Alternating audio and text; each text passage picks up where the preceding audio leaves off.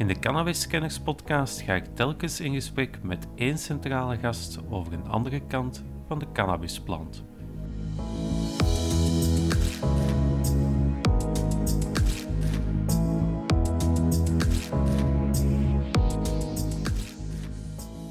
Ik denk dat we wel mensen moeten beschermen van hun probleem, maar hoe gaan we dat doen? Gaan we dat doen door uh, mensen hun wiet af te pakken? En als je bang bent dat al die Fransen daarin gaan komen om hun wiet te gaan kopen, doen. Want die Fransen gaan en belastingen betalen en nog eens tanken waarschijnlijk, omdat ze terug naar Rotterdam moeten.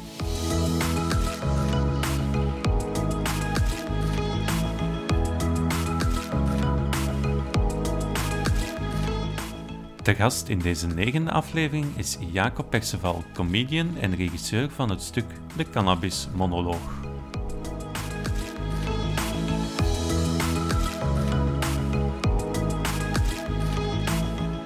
De politiek, de media. Overal horen we dissonante stemmen over het gebruik van cannabis. Tijd om de plant onder een ander licht te houden. Welkom bij Cannabis Kenners. Uh, goedemiddag Jacob. Uh, hallo. In, hallo. In elk geval bedankt om tijd vrij te maken voor het interview. Ja, jij bedankt om mij te vragen. Ik ben bericht. Eerst en vooral, kan je misschien eventjes toch kort voorstellen? Ik ben Jacob Perceval, geboren in Gent, 1995. Ja. Um, ik ben al van mijn 14 bezig met stand-up comedy. Mm -hmm. En ik was even gestopt met comedy om mij te focussen op een ander project. Mm -hmm zoveel mogelijk cannabis gebruiken. Ja. En dat heb ik met uh, andere optredens gedaan in de politierechtbanken en uh, ja. commissariaten her en der. Ter landen? Ja. Oké, goed. Um, om duidelijk te zijn, nu, nu gebruik je geen cannabis meer, hè? Nee. Nee, oké. Je hebt cannabis en ook geen alcohol. Dus geen alcohol, oké. Okay. Ja. Um, maar wel heel veel Dat denk ik niet. Nee, nee. Uh, uh, maar uh, om, om duidelijk te zijn, je, je, hebt daar nu een voorstelling over gemaakt onder de ja. naam uh, Cannabis Monoloog. Ja, um, laten we eens beginnen met je persoonlijk verhaal voordat we met, die, met het over, over het algemeen en over je voorstelling okay. hebben. Je zegt zelf, ik ben op mijn 14 begonnen met cannabis gebruiken. Ja. Hoe ben je daar eigenlijk mee in contact gekomen? Um, dat was eh, al vrij aanwezig en nu niet meer, maar mijn ouders waren gebruikers en die zijn er ook mee gestopt. Mm -hmm. um, ja, het zijn schatten van mensen, alle twee. Mm -hmm. en, maar dat was al thuis, bij mij was het er al aanwezig mm -hmm. en ik had er al van gehoord, dat al zeker. Mhm. En dan ben ik van eh, ben ik daarmee in contact gekomen door school eigenlijk. En dan via, via zo iemand die dan vroeg van wilde dat samen gaan gebruiken. Mm -hmm, En voor mij was mijn gateway drug, waardoor ik andere drugs ook heb geprobeerd, mm tabak. Tabak, ja. ja, ja. Oké. En dan ben je eigenlijk van tabak zeg je, naar cannabis gegaan en, en, en andere drugs. Um, ja. Was het dan van onmiddellijk van op je 14 dat je dagelijks gebruikte? Of zat er dan nog een nee. periode tussen dat je zo af en toe en dan, hoe moet ik mij dat Leuke voorstellen? Leuke vraag, want uh, gaat, bij mij was het echt zo, eh, um, als ik niks te doen had en als je op school zat, dan kon je het niet doen. Mm -hmm. En langzaamaan ging het meer en meer. En dan elke grote vakantie zag je eigenlijk echt van, oké, okay, het, het loopt hier weer uit de hand. Mm-hmm. Omdat je dan zoveel tijd hebt, elke ja. vakantie had je heel veel tijd. En, en dan werd het door die vakanties eigenlijk meer en meer. Mm-hmm. Het was niet van de eerste keer, maar ik had wel van de eerste keer iets wat ik al heel mijn leven naar op zoek was. En zijnde ergens bij horen. Wat dus ook die verslaving um, in de hand heeft gewerkt. Mm-hmm. Ik je, voelde mij deel van iets van een, groep, van, van een grotere groep met een gelijke ervaring. Van een geheim genootschap. Hè? Ja, ja, ja oké. Okay.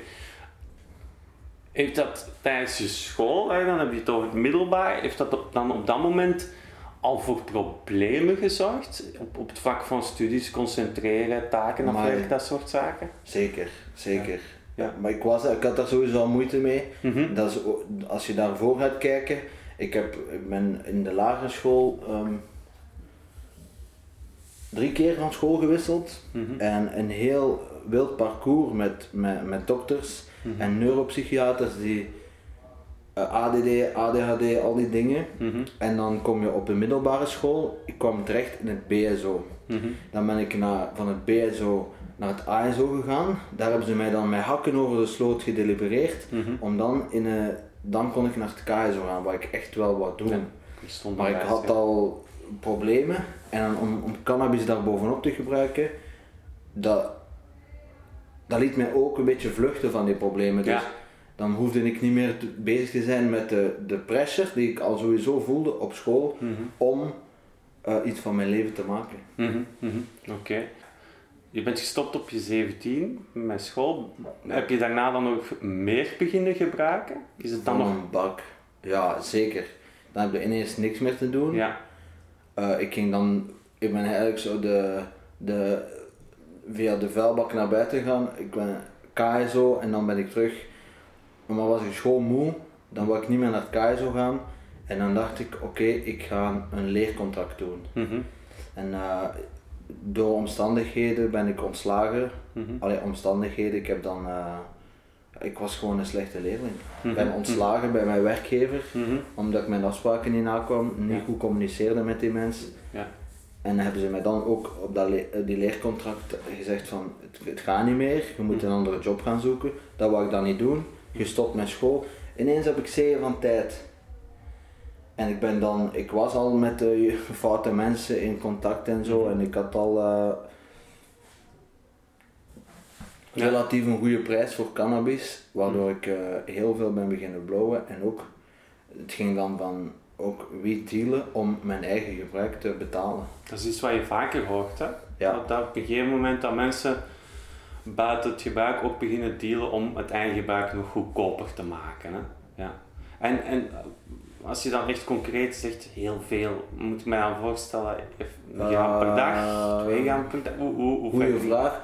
Eh, soms ging dat, kon dat echt 5 gram per dag zijn, echt, dat, dat kon. Mhm. Maar dat was dan ook veel delen. Hè. Je gaat niet, Nee, nee, ehm, alleen 5 gram. ik, heb ook, eh, ik, ik was eigenlijk een hele slechte dealer. Mhm. Oftewel people pleasen en dan mensen er zelf niks aan hebben en mensen gewoon cadeaus geven. Oftewel ehm, proberen fixen dat ik er meer aan over had en dat de andere persoon zeg maar ja, in het zak gezet werd. Dus heel, heel vies eigenlijk. Ja. Eh, Dat heb ik heel veel gedaan. Mhm. Hey, want het gebruik op zich, dan zeg je ook, ik ben ook in aanraking gekomen met, met, met het gerecht ook op een bepaald moment. Ja. Vaak dan voor kleine dingen, als ze je betrappen op straat met, met, met cannabis op zak. Wat, wat zijn zo het vaakste, waarvoor heb je het vaakste dan in contact gekomen met de politie? Vooral, eh, ja, vooral gewoon de cannabis op zak hebben. Ja. Hè? In Gent eh, doen ze, denk ik, allee, toen toch, was het één keer per maand identiteitscontrole. Van zodra dat ze mij de eerste keer hadden gepakt, st- stond het op mijn identiteitskaart. Ja. Eh, en je kent je rechten ook niet, Mhm. dus je laat je eigenlijk ook wel relatief doen. Zeker die allereerste keer stond er nog niks op mijn identiteitskaart, hadden ze eigenlijk geen reden om mij te controleren. Mhm. Maar ja, als je dan zegt, controleer me maar, en ze vinden dan toch wiet, dan staat het op je Mhm. identiteitskaart geregistreerd, cannabisgebruiker, en dan hebben ze eigenlijk altijd een reden om u te controleren. En dat was dan ook het gevolg. Je werd dan ook vaker en vaker eruit gehaald om te controleren. Ehm, zoals veel cannabisgebruikers, gewoon identiteitscontrole, oké, ze zien het en dan zeggen ze, u maakt uw zakken maar al leeg. Ja, ja, ja, ja oké. Ze hebben mij nooit eigenlijk gepakt met grote hoeveelheden, altijd zo'n grammetje, twee grammetjes, Ja. drie grammetjes. Ja, ja, ja, ja. En hoe vaak is dat ongeveer gebeurd? Kun je daar wel een schatting van maken? Dat is veel gebeurd. Mhm. Ik kan daar geen, geen getal op plakken. Mhm. En was het dan ook gewoon standaard, eh, bij wijze van spreken, betaal maar een boete? Of, of werd het Nee, gewoon meestal werd het gewoon afgenomen. Genomen en daar stopte het dan. eh, dat, dat is misschien wel het geluk. In Gent werd het gewoon afgenomen. Ja. En, eh, Omdat je bijvoorbeeld in Antwerpen eh, is het standaard 75 euro, denk Ja, ik. ja. Ik weet niet of ze het nu nog effectief doen, Mhm. maar in, in, in Gent werd het gewoon afgenomen. Mhm. Ja. Oké. Op een gegeven moment ben je dan toch gestopt. Ja. Wat was dan de, de trigger om te zeggen van, nu stop ik ermee? een, een, een ontwakening die langzaamaan heeft geduurd, maar ook ehm, psychische problemen Ja. die ik heb gekregen door, door cannabis. Zijn de, hoe, hoe uiten zich dat dan, die psychische problemen? Paranoia. Paranoia was een van de dingen. Mhm. Ik had, je moet ook weten, ik had, daarom zeg ik dat ook daarnet, ik had heel veel mensen eh, in het zak gezet en waardoor dat je dan ook met die gedachte moet leven van, wat als ik die mensen terug tegenkom op straat. En intrinsiek heb ik dat niet gedaan om, om die mensen te kwetsen. Hè. Ik, ik was gewoon een verslaafde die zijn product wou en ik wou gewoon alles daarin te werk stellen Mhm. om dat product te krijgen. Ja. Dus ik heb niet die mensen willen pijn doen of die mensen expliciet in het zak willen zetten omdat dat klootzakken zijn. Nee, totaal niet. Ik was gewoon een addict. Ik kwam mijn product en door veel te liegen ook, wat dat ook nog een puntje is waar dat ik aan heb moeten werken, omdat ik het al van jongs af aan het nodig vond om interessant te zijn. En ik gewoon zo als mens ben niet interessant genoeg. Mhm. Ehm, dus dat liegen en dat mensen in het zak zetten, daardoor werd ik paranoia. Mhm. Wat als ik die mensen tegenkom, Ja, achter, straks achter de hoek van deze straat. En uiteindelijk uitte zich dat in iets heel onrealistisch.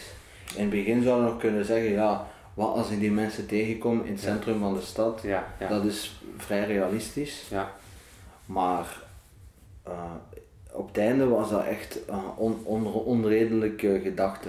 Zoals eh, ik word achtervolgd en zo. En Mhm. ehm, Dan begon dat echt... toch bleef ik doorblowen. Toch bleef ik ja, doorblowen. dat begon echt zo absurde vormen aan te nemen, Ja. die, die, die waanideeën. En wat mijn redding is geweest dan, is dat ik... eh, ik had hulp nodig. En ik heb dat... Dus twee belangrijke inzichten waren voor mij... Het ene inzicht was, ik ben verslaafd en ik heb hulp nodig. En het tweede inzicht was, ik kan niet alleen stoppen. Mhm. Dan kwam ik in de psychiatrie terecht en dat is ook wel een, een ding van, dat ik vind, de, de psychiatrie waar dat ik ben terechtgekomen, was een afdeling waar niet iedereen wou stoppen. Mensen wouden nog doorblowen of wouden nog, eh, Doordrinken of... of ja, Ja, of, ja. of nog eh, als ze konden speed gebruiken. Ze hadden wel allemaal psychische problemen, net gelijk mij, maar ze wouden niet stoppen, dat was niet Nee. een reden waarom dat ze daar eigenlijk zaten. eigenlijk. En ik kende via via iemand die, die ook al succesvol was gestopt met drugs. En heb ik eh, hulp gevraagd. Maar mijn woorden waren niet van, ik, heb, want ik was nog zo volledig in die waan. Ik zeg, maat, je moet me helpen. Iedereen is tegen mij. Mhm. Daar kwam het op neer. Wat ik, daar kwam het op neer. En hij kijkt zo aan naar mij. ehm, en hij gaf me echt een mentale klap dan. Zo van, gast, jij, jij moet gewoon stoppen. Jij moet er nu mee stoppen. En hij- die realisatie had ik wel. Ben ik op mijn 19 ergens terechtgekomen. Met mensen die ook wel allemaal wouden stoppen. Mhm. En, en dat is, dan, dan heb ik gezegd, oké, ik, ga, ik ga dit een kans geven. Dit, dit, eh, deze kant van de hulpverlening. Mhm. En eh, op een gegeven moment eh, herval ik terug. Het interesseerde mij niet meer. Eh, ik was ook nog te paranoia en al die mensen die waren tegen mij. Ook al waren die niet tegen mij en wouden die ook allemaal stoppen. En Dan wouden gaat dat die in je hoofd gestoken. Ja, en, en dan, dan zit dat erin. ja. ja. En ik herval terug en ik ga terug naar die oude patronen, naar die oude, oude dingen van vroeger. En eh, om, om, het, om het verhaal nog wat kort te houden, want anders dit kan echt, ik kan er heel lang over vertellen. ja.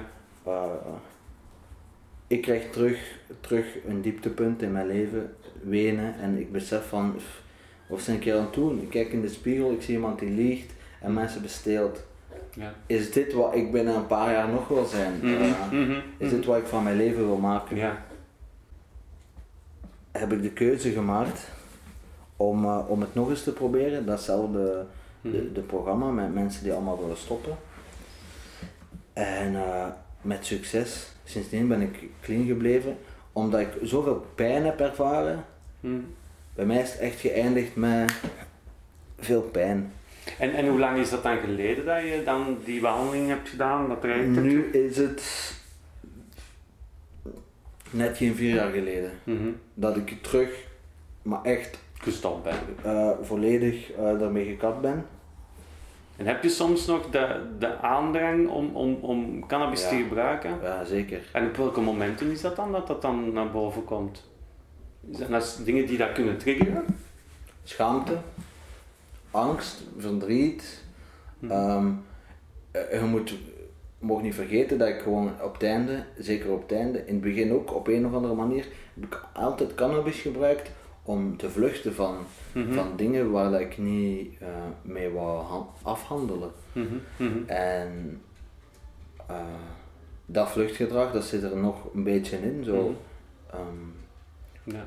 Wat niet wegneemt, dat, dat ik sinds, de, e-, het eerste jaar was dat moeilijk, want dan had ik heel veel last van de craving, zeg maar. Ja, ja. Maar nu is het wel voor mij, kan ik wel zeggen, het is een keuze. Ja, Terwijl het vroeger eigenlijk geen keuze was. Gek om te zeggen, hè, want je, ik heb wel keuze gemaakt om mensen te bestelen en zo. En dat was wel een keuze, helaas. Mhm, mhm. Maar um, ik, ben, ik heb niet gekozen om verslaafd te worden aan een product. Nee, dat denk ik niet. Dat is nooit een keuze. Hè? Of, of het cannabis is, of het gokken is, of het alcohol is. Of seks. Hè? Ja, het is, het, is, het is nooit echt een keuze die je maakt. Hè? Nee. Maar je, je, je zegt nu, ik, ik, um, ik heb beslist om daar een voorstelling over te maken. Ja. Hoe is dat gekomen? Want je zegt, ik ben al vier jaar geleden gestopt.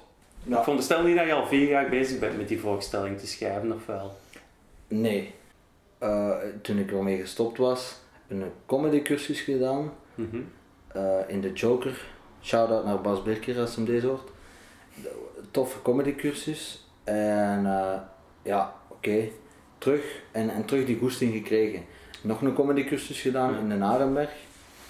En dan um, kwam mijn vader met het idee, hij gebruikte toen nog, mhm. gaan we niet eens een voorstelling maken over cannabis, een soort van dialoog. Mhm. Ik als vader die gebruikt en, en jij als jonge man die ermee gestopt was. Wat mij intrigeerde, dat is er dan ook niet van gekomen. We hebben daar wel conversaties over gehad en mhm. dan uiteindelijk is hij er ook mee gestopt en dan um, wat was ons gevoel? Een voorstelling maken over cannabis, dat gaat, um, dat gaat, dat voelt goed. Mhm. Laten we dat gewoon doen. En dan hebben we een vorm gekozen om dat te maken. Mm en daarvoor heb je dan heel veel gesprekken ook gevoerd met heel veel mensen die met cannabis te maken hebben. Ja, um, die beste gesprekken heb ik dan geselecteerd en in een voorstelling In een voorstelling gewerkt alles wat je nu zegt, hè, als we het dan ruimer bekijken in, in, in het Belgische beleid zoals het nu rond cannabis is, zoals jij er ook al die jaren mee in contact bent gekomen, hè, politie, uh, de illegaliteit van cannabis, het criminaliseren van cannabis. Als ik jouw verhaal hoor, dan denk ik goed dat we het zo aanpakken. Hè, want je zegt zelf, de gevolgen die je ervan hebt ervaren tijdens je periode van verslaving, geven toch aan of zou aanleiding moeten geven om te zeggen van oké, het, is, het is goed dat we er zo mee omgaan in, in onze maatschappij. Is dat iets wat je zelf ook aanvoelt of kijk je er anders naar? Ik vind dat we er totaal fout mee omgaan. Het is heel raar om, om het uit uw mond te horen. Hè? Ja. Kan je dat toelichten? Waar, waarom vind je dat? Oké, ehm, uh, er, is, er is een vraag rond, rond uh, criminalisatie. En die, er één vraag is heel belangrijk, denk ik, en dat is: moeten we mensen beschermen van hun eigen probleem?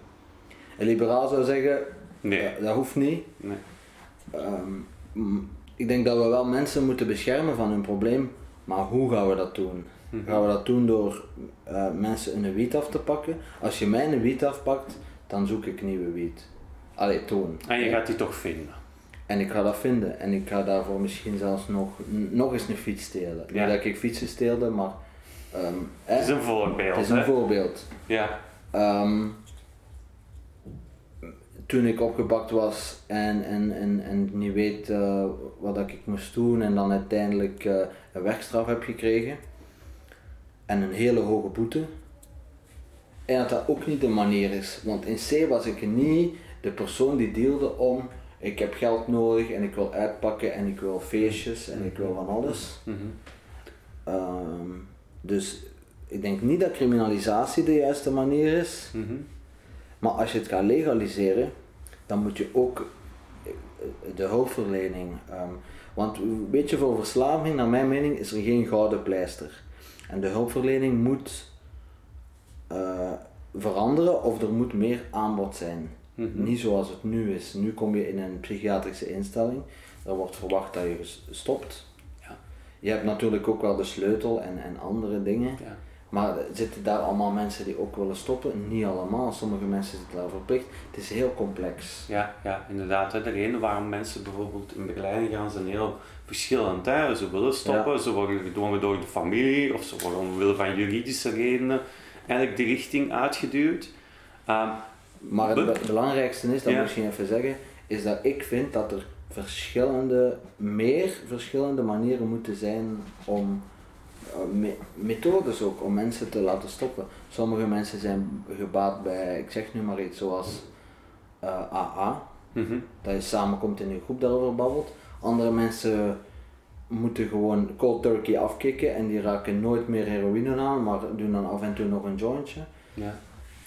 Um, er is, ik zeg het u, er is geen gouden pleister voor verslaving, maar er moet meer aanbod zijn en, en, en op, we moeten er ook op een andere manier over praten met mensen. Mhm, mhm. Dus je zegt in elk geval, er moet van het budget dat er beschikbaar is, is rond de roesmiddelen, moet er meer naar uh, de hulpverlening gaan. En dan moet gediversifieerd worden, de, de hulpverlening. Ja. ja. Okay. Ik denk niet dat het helpt om uh, de politie tot de tanden te bewapenen met, met 20 drugshonden. Ja. Want drugs zal er altijd zijn. Mm -hmm.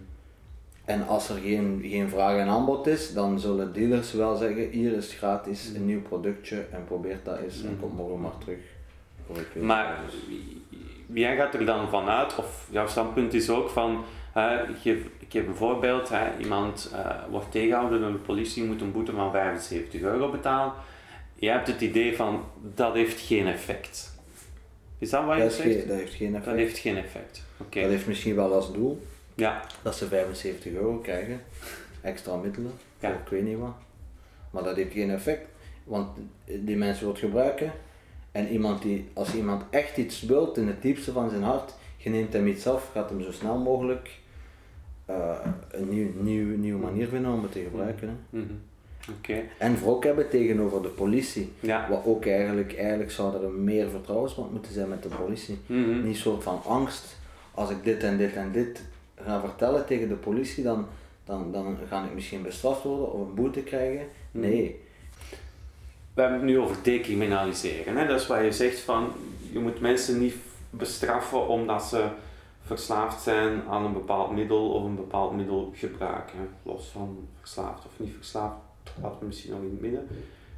Een volgende stap, waar inderdaad in bepaalde landen al wordt gedaan, hè. Nederland is het bekendste, mhm. maar ook dan in, in landen als Canada en, in de Verenigde Staten, is het gaan uh, legaliseren en reguleren.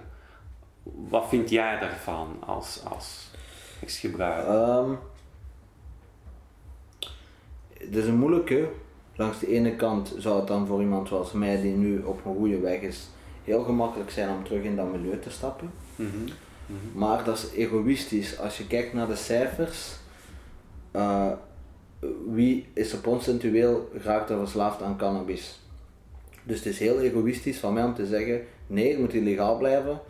Of het moet in zo'n padstelling staan, ja. zodat ik er niet meer aan kan geraken. Nee, er zijn heel veel mensen die gewoon af en toe een jointje gebruiken en, en Daar op een goede manier, op een gecontroleerde manier mee kunnen omgaan. Zeggen dat ze er geen probleem mee hebben en dat vind ik prima. Dus laten we daar gewoon mhm. als maatschappij eens goed naar kijken goed bestuderen, hoe legaliseren we dat? En als we dat legaliseren, mhm.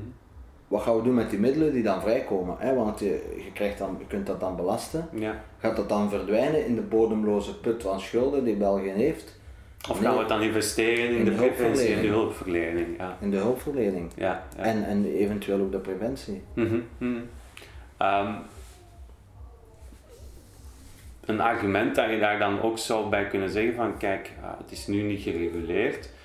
Uh, een dealer vraagt geen paspoort, een dealer vraagt niet hoe oud ben je. Hè?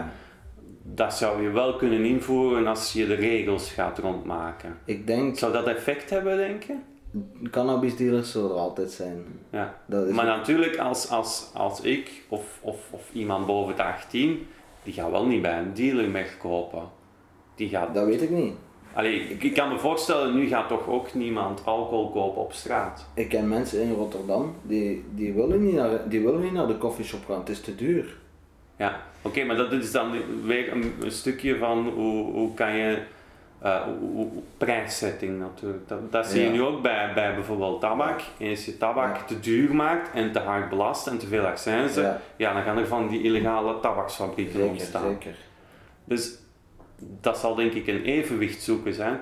Mhm. Maar wat ik bedoel is van, ja, laten we zeggen 80% van de volwassen consumenten zal dan niet meer kopen bij een dealer, maar bij, ja, laat ons het coffeeshop noemen, maakt niet uit hoe dat je het wil noemen, dan verdwijnt natuurlijk een deel van de markt waar die illegale dealers op kunnen inspelen. Zeker. En het zijn niet de jongeren, denk ik, waar ze het grote geld aan verdienen, of, of vergis ik mij? Ik, ik ken het niet zo ik goed. Weet, ik weet dat er heel veel jonge mensen zijn die blowen. Ja. Uh, toen dat ik ben begonnen was er waren er heel veel jonge mhm. mensen die blowden. Mm Waaronder ik ook. Uh, Zit daar het grote geld zeker niet. Dat zit vooral, uh, vooral bij de volwassenen die blowen, denk ja. ik.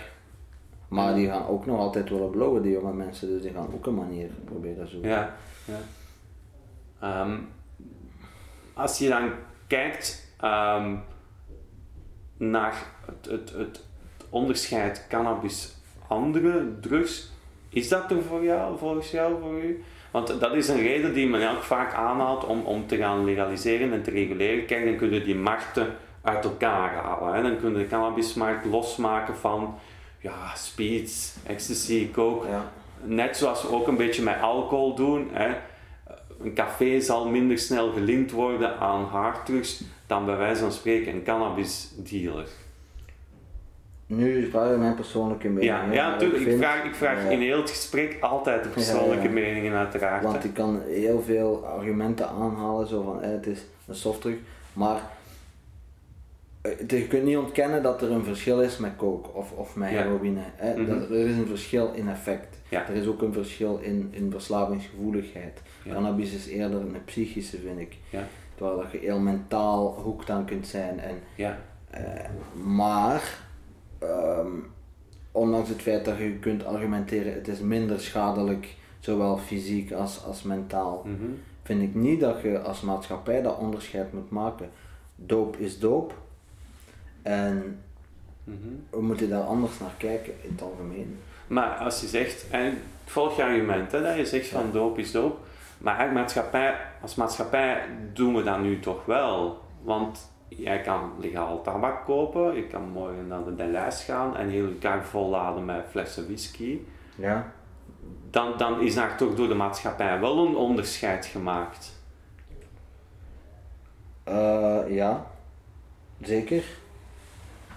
Nu, tabak, ja, dat is, het is wel een interessante vraag hoor, want tabak is, is dan heel verslavend, maar heeft niet direct. Uh, extreme gevolgen op korte termijn, wat de heroïne wel heeft. Ja. Um, maar op lange termijn dan? Op lange wel termijn, gezondheidsproblemen ja, en, en, ja, dat soort zaken. Uh, ik denk, nu maken we als maatschappij dat onderscheid wel en we moeten eigenlijk stoppen met dat onderscheid te maken, maar nu betrap ik mijzelf erop dat ik wel het onderscheid maak tussen pakweg tabak en een lijn speed. Ja, want het, het, het verschil zit hem daarin als jij uh, een sigaret rookt, je gedrag verandert niet onmiddellijk. Hè. Je, kunt niet zeggen van zoals bij, bij iets, iets anders zoals cannabis, hè, want we het daarop houden, je gedrag verandert, je, je, kijkt anders naar de wereld. Als je een sigaret rookt, het hoogste dat je kunt voelen is jezelf wat je kalmeert hè, als je stress hebt. Maar bij, bij tabak is het dan dat lange termijn gevolg, hè? die, die kanker. We zien niet zo snel die, die link tussen die twee. Ja. Maakt dat het misschien het verschil in mensen hun hoofd van we zien niet direct die link? Ja, denk het wel. Je ziet ook niet iemand die op straat een sigaret rookt en dan onmiddellijk kanker krijgt. Ja, voilà. Het, is, het is een lange termijnsproces. Bij alcohol zit dat er misschien een beetje tussenin. Hè? Als, als je tien glazen drinkt, dan zijn ze zat. Maar dan stopt het. Maar de levercirrose is ook niet van één avond uit te gaan, bij wijze van spreken. Dat is het. Moeten we mensen, dat is toch die vraag die ik daarnet, moeten we mensen beschermen van hun eigen probleem? Ik denk wel op een zekere manier, vind ik, vind ik persoonlijk van wel. Mhm. Maar is een verbod dan de goede manier? Is, is... Nee, een verbod is niet een goede manier, want je ziet dat toch nog altijd mensen die willen. Mhm. Maar als je bijvoorbeeld eh, cannabis gaat legaliseren, wat is de vrees misschien dat iedereen dan ineens cannabis gaat gebruiken? Ik, ik denk niet dat dat gaat gebeuren, persoonlijk denk ik niet dat dat gaat gebeuren.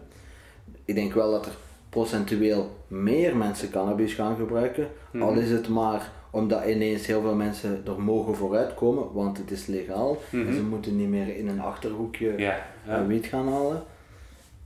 Maar Maar dan, dan gebruiken er niet meer mensen, maar dan, dan wordt het gewoon meer bekend dat Ja, mensen gebruiken. Dat is nog een verschil. Het zou wel kunnen, want er is een studie gebeurd in Amerika. ehm, UCLA heeft dat gedaan. En ze hebben gezien dat in Colorado nu meer mensen cannabis gebruiken. Ja. Ook omdat daar, dat is heel gecommercialiseerd ook. Hè. Ja, dus dat is ook eh, weer een heel groot verschil in regulering. Hè. Je, Ja, ja, je kan het gaan zeker. commercialiseren zoals, zoals alcohol, hè, dat je de Jupiler League hebt, dat, dat je grote sponsors hebt. Dat is nog een heel groot verschil. Terwijl als je bijvoorbeeld al kijkt in Nederland, een coffeeshop, ja, dan moet je onder de 18 jaar gewoon nog niet binnenkomen. Ja, ja. Dus daar is ook nog een heel brede marge in, hè, tussen eh, in, in, in legaliseren en reguleren. ja, zeker. En, en commercialiseren, Ja. in Amerika, dat ze dan ineens de grote cannabisboeren zeggen, we gaan inspelen op de markt van de moeders die, die Ja. nog niet gebruiken, maar wel een goede markt zijn. Zo. Ja, Als kindjes niet thuis zijn, Ja, dat ze gewoon die markt moeten bespelen Ja. en die En- mensen moeten cannabis beginnen gebruiken. ja, echt Dat vind ik ook geen, geen goede manier. Nee, nee, nee, nee. Ik denk dat ik in alle gesprekken die ik gedaan heb met mensen vanuit heel veel verschillende standpunten, dat niemand daar voorstander van is. Nee. Maar dat is wel, en dan gaan we een beetje over naar de politiek. Dat is wel wat je vaak in, in politieke kringen hoort. Het is ofwel we laten het illegaal, zoals de situatie nu is, of het wordt gelijk alcohol in de supermarkt verkocht. Van stel dat je er zelf ook al hebt over nagedacht, wat denk jij daar Ja. voor cannabis? Als je, nu zelf mocht, als je nu zelf mocht kiezen, hè, je hebt de regelgeving, je hebt de wetgeving in handen, wat zou jij dan als een ideale optie zien? Een eerste ideale optie is dat er qua hulpverlening moet er meer. We moeten het uit de tab- taboesfeer halen. Mhm. Uh, daarvoor moeten er ook campagnes en we moeten er man op man over kunnen praten. Gewoon op straat moet het een doodgewoon onderwerp zijn, gelijk alcohol. Mhm. En het tweede ding is dat het in een, in een winkel mag verkocht worden, Mhm. maar niet in de, de lijst, weet je wel. Nee, nee, tuurlijk. dat aparte winkel. Ja, in ja, een winkeltje dat daarvoor gemaakt ja, is ja. en die enkel dat verkoopt. Mhm. Maar ook goede voorlichting bij hoort dan natuurlijk. Het is niet zoals een fles alcohol. Ja, eh, pff, weet je, dat, je kunt dat zeggen, in de coffeeshops geven ze dan voorlichting, maar soms zijn ze ook snel en willen ze ook gewoon. Ja, verkopen. Eh, in een smart shop geven ze dan soms wel betere Mhm. voorlichting als je dan zo op eh, paddenstoelen gaat Ja. halen, mushrooms, dat je dan Ja. zo, ja, is het uw eerste keer, zo Ja. dat. Ja. Dat zou wel natuurlijk, eh, iemand van met kennis van zaken zou natuurlijk helpen, maar in de praktijk denk ik niet dat er altijd voorlichting zal Mhm. zijn. Mhm. Maar het is wel een aparte winkel, dat maakt het ook al iets anders zeker. dan, dan, dan een supermarkt waar alcohol en Ja. sigaretten wordt verkocht. Dat Een beperkt aantal, aantal winkels in heel België die de vergunning krijgen om dat te verkopen. Mhm. En ook de vergunning krijgen om dat te verkopen aan buitenlanders. Mhm. En laat die winkels een, een team beste kwekers in dienst nemen, Mhm. legaal, allemaal volgens boekje. Eh, vergun daar een ruimte voor. En zorg ook dat die winkels niet ten laste zijn van mensen die moeilijk doen om moeilijk te doen. Snap je? Mhm. Er zijn altijd mensen die, oh nee, die geur of whatever. Hè. Mhm. Mhm. Of iemand voor, zoals mij, die er misschien niet moeilijk over zou doen als er bij mij achter de hoek een winkel zou zijn. Mhm. Ik zou het er wel moeilijk mee hebben, soms. Soms niet. Ik ben blij dat ik niet in Nederland woon. Mhm. Maar ik zeg, ik heb dat net al gezegd, het is egoïstisch om dan te zeggen, nee, dat mag niet. Mhm. Ik gun andere mensen dat niet.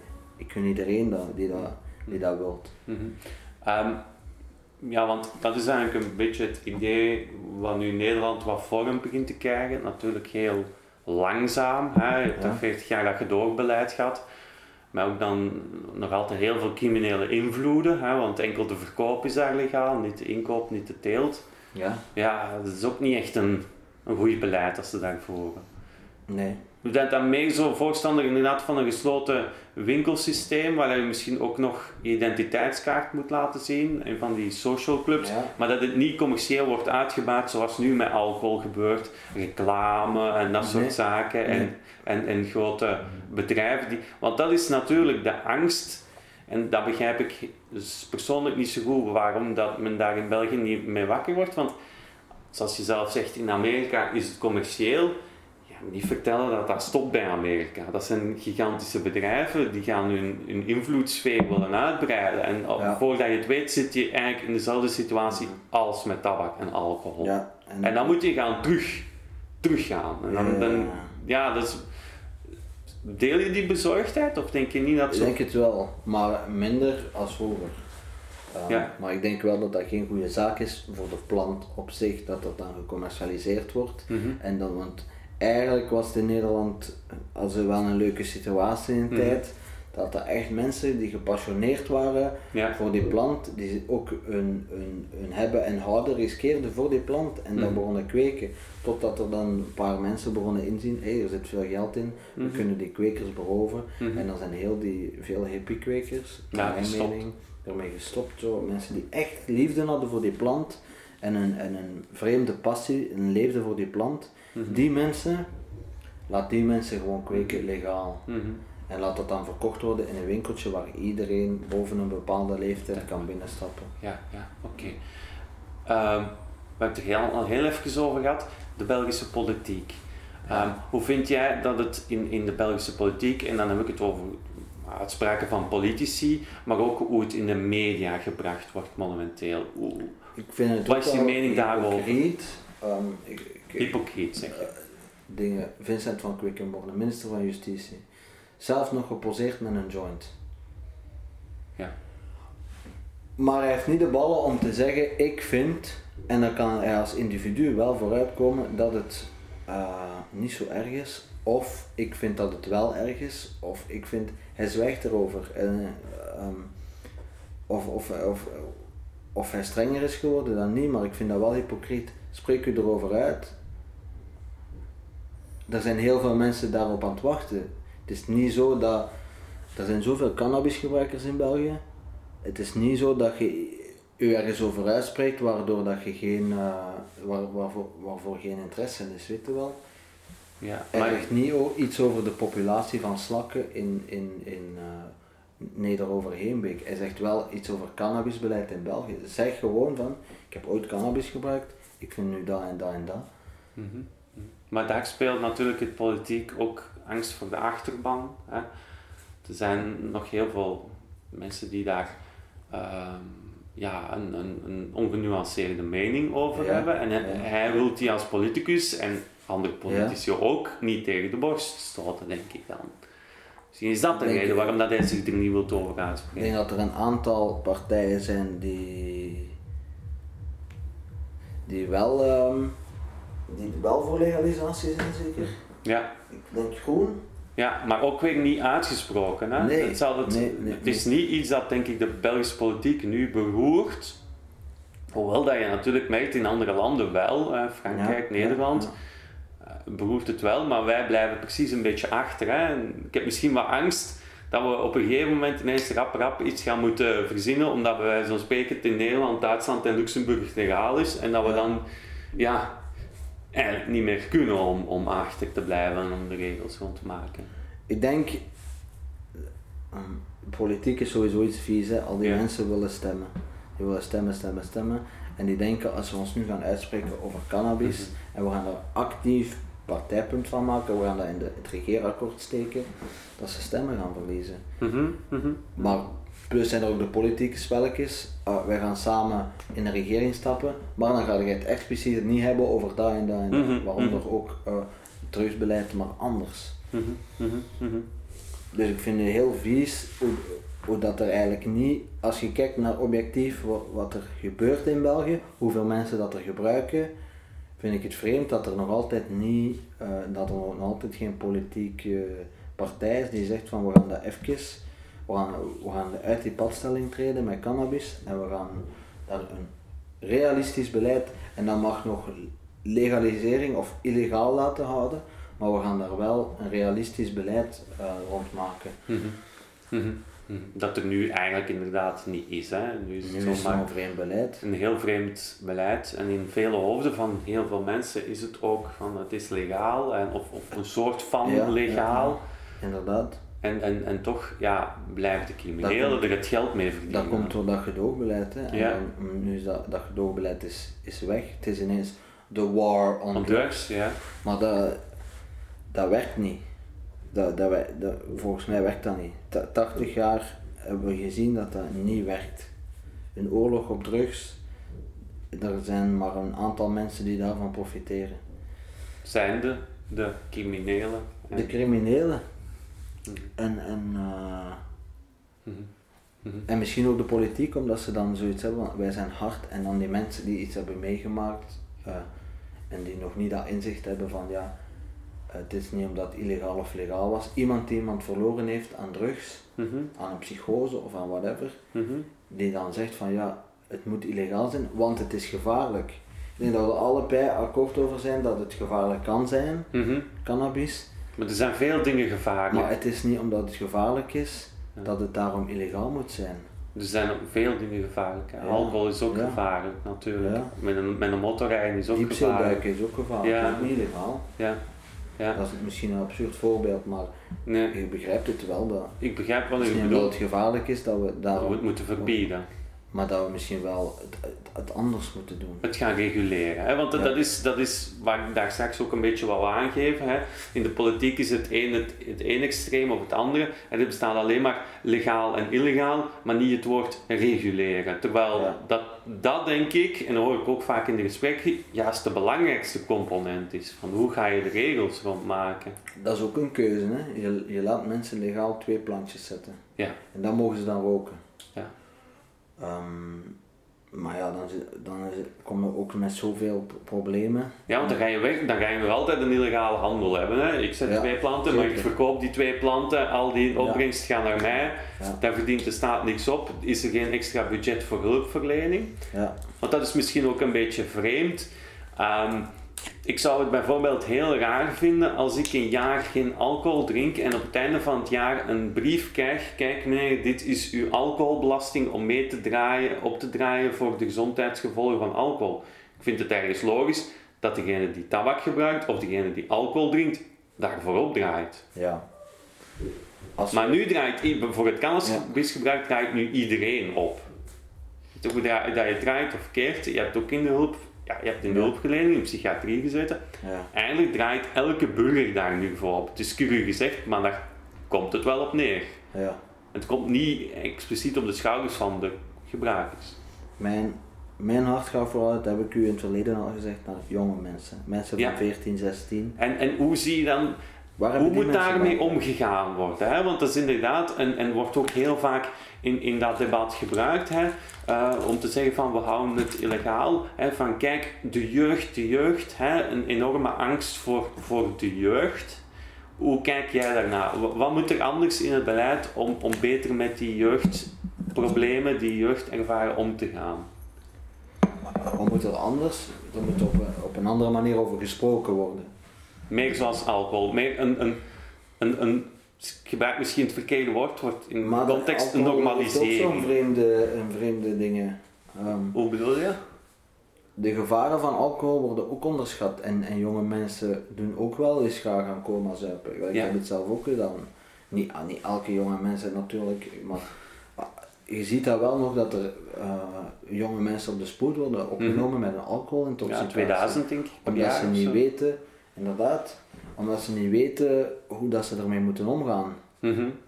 Of omdat ze het gewoon willen. Ze willen gewoon echt gewoon die blackout. Ja. Hey, we gaan vanavond die blackout. Bij, bij cannabis.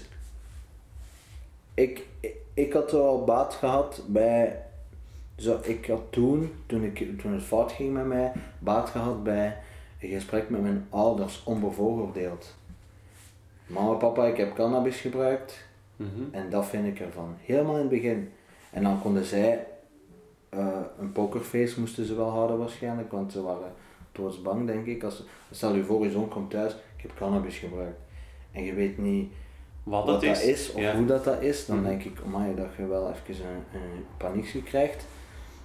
Maar die paniek voelen we niet bij alcohol. Dat is wat je wilt zeggen. Bij alcohol zal minder snel die paniek van ouders zal gezegd worden van ja, oké, kan gebeuren. Ja, en die paniek moet bij cannabis ook niet zijn. Ja. En, en eigenlijk bij andere producten ook niet, maar we hebben het over cannabis. Mhm. En dan moeten we gewoon dat gesprek aangaan.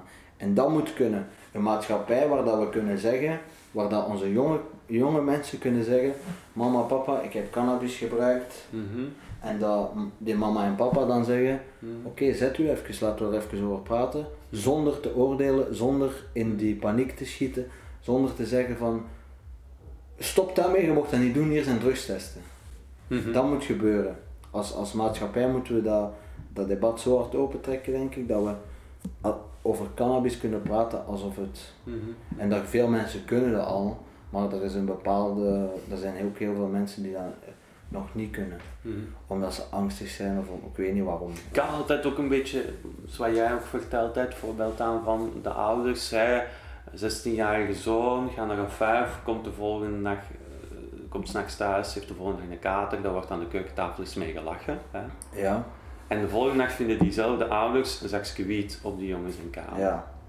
Dan is dat helemaal een andere reactie. Nu hebben kinderen ook zoiets. Of ik had dat toch, Ja. zowel bij, bij hulpverlening als bij.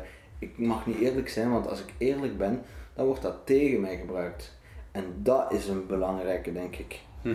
Je mocht als gebruiker niet het gevoel krijgen dat als ik eerlijk ben, wordt het hier straks tegen mij gebruikt. Ja. Om, om, die, Ja. om die eerlijke conversatie aan te gaan. Als je morgen een pintje drinkt en naar huis, ik heb een pintje gedronken, dat wordt niet tegen u gebruikt, snap je? Nee. Bij cannabis is het wel de mogelijkheid dat. En daarom dat heel veel kinderen, Ja. of ik toch, en ik denk ook andere jonge mensen, schuwen om te zeggen tegen hun ouders, ik heb cannabis gebruikt. Mhm. En, en wat vind je dan ook van, dat is nu denk ik ook de regel, hè? stel de politie eh, houdt een jongen van 16 tegen met cannabis, Ja. eh wordt de ouders op de hoogte gebracht, moet verplicht een traject volgen. Is dat volgens jou iets, eh, iets dat kan gebruikt worden in, in, in hoe dat jongeren daarmee omgaan? Ze moeten, ze moeten verplicht een traject Ja. dus ze zijn verplicht ook Ja. Hè, een probleem voor de maatschappij. Ze moeten ergens naartoe. Ja. Hoe was dat traject voor mij? Kort gezegd, ik heb drie keer met een psycholoog gebabbeld. Ik heb die proberen rond mijn vinger te draaien. En op het einde zei hij, het is oké, ik denk dat het niet meer nodig is. Voilà. Wat je daarmee wilt zeggen is van dat heeft geen waarde. Dat heeft zeer weinig waarde. Een, een traject voor, voor verslaving of voor problemen, er is, een, er is één voorwaarde. Er zijn twee voorwaarden. Als je in een hulpverlening traject hebt, gaat. De eerste voorwaarde is dat je kleren aan hebt. Je kunt... Dat, dat Maak het op, ja. Heb het onlangs nog eh, gebruikt.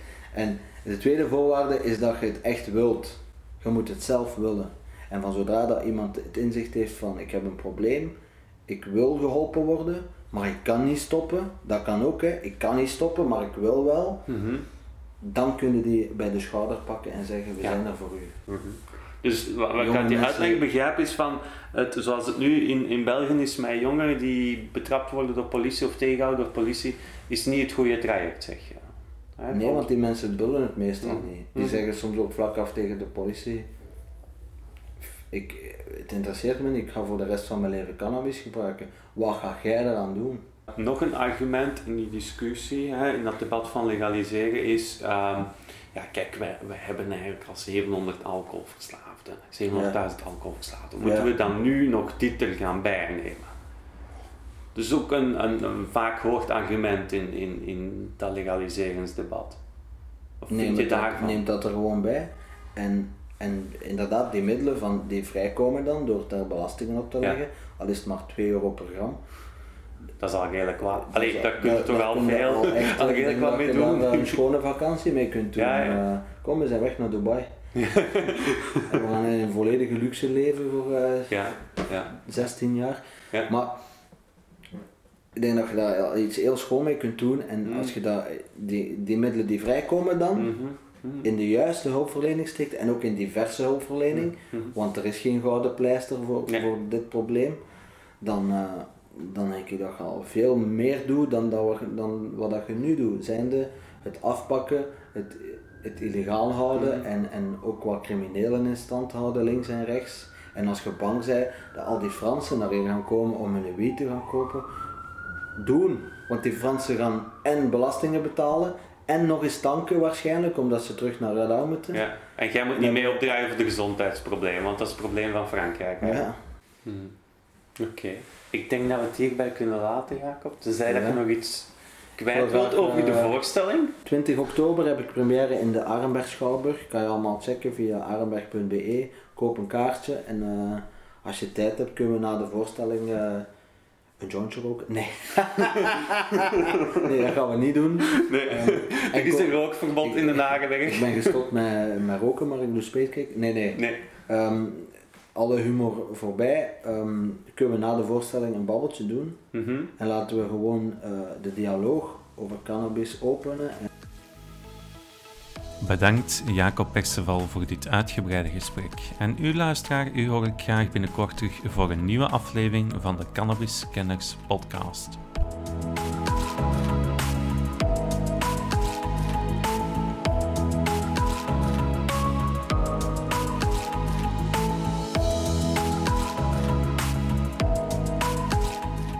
Voor meer podcasts ga naar www.cannabiskenners.be of voeg Cannabiscanners toe in je favoriete podcast-app. Heb je een vraag of wil je graag iets delen? Mail dan naar info.cannabiscanners.be.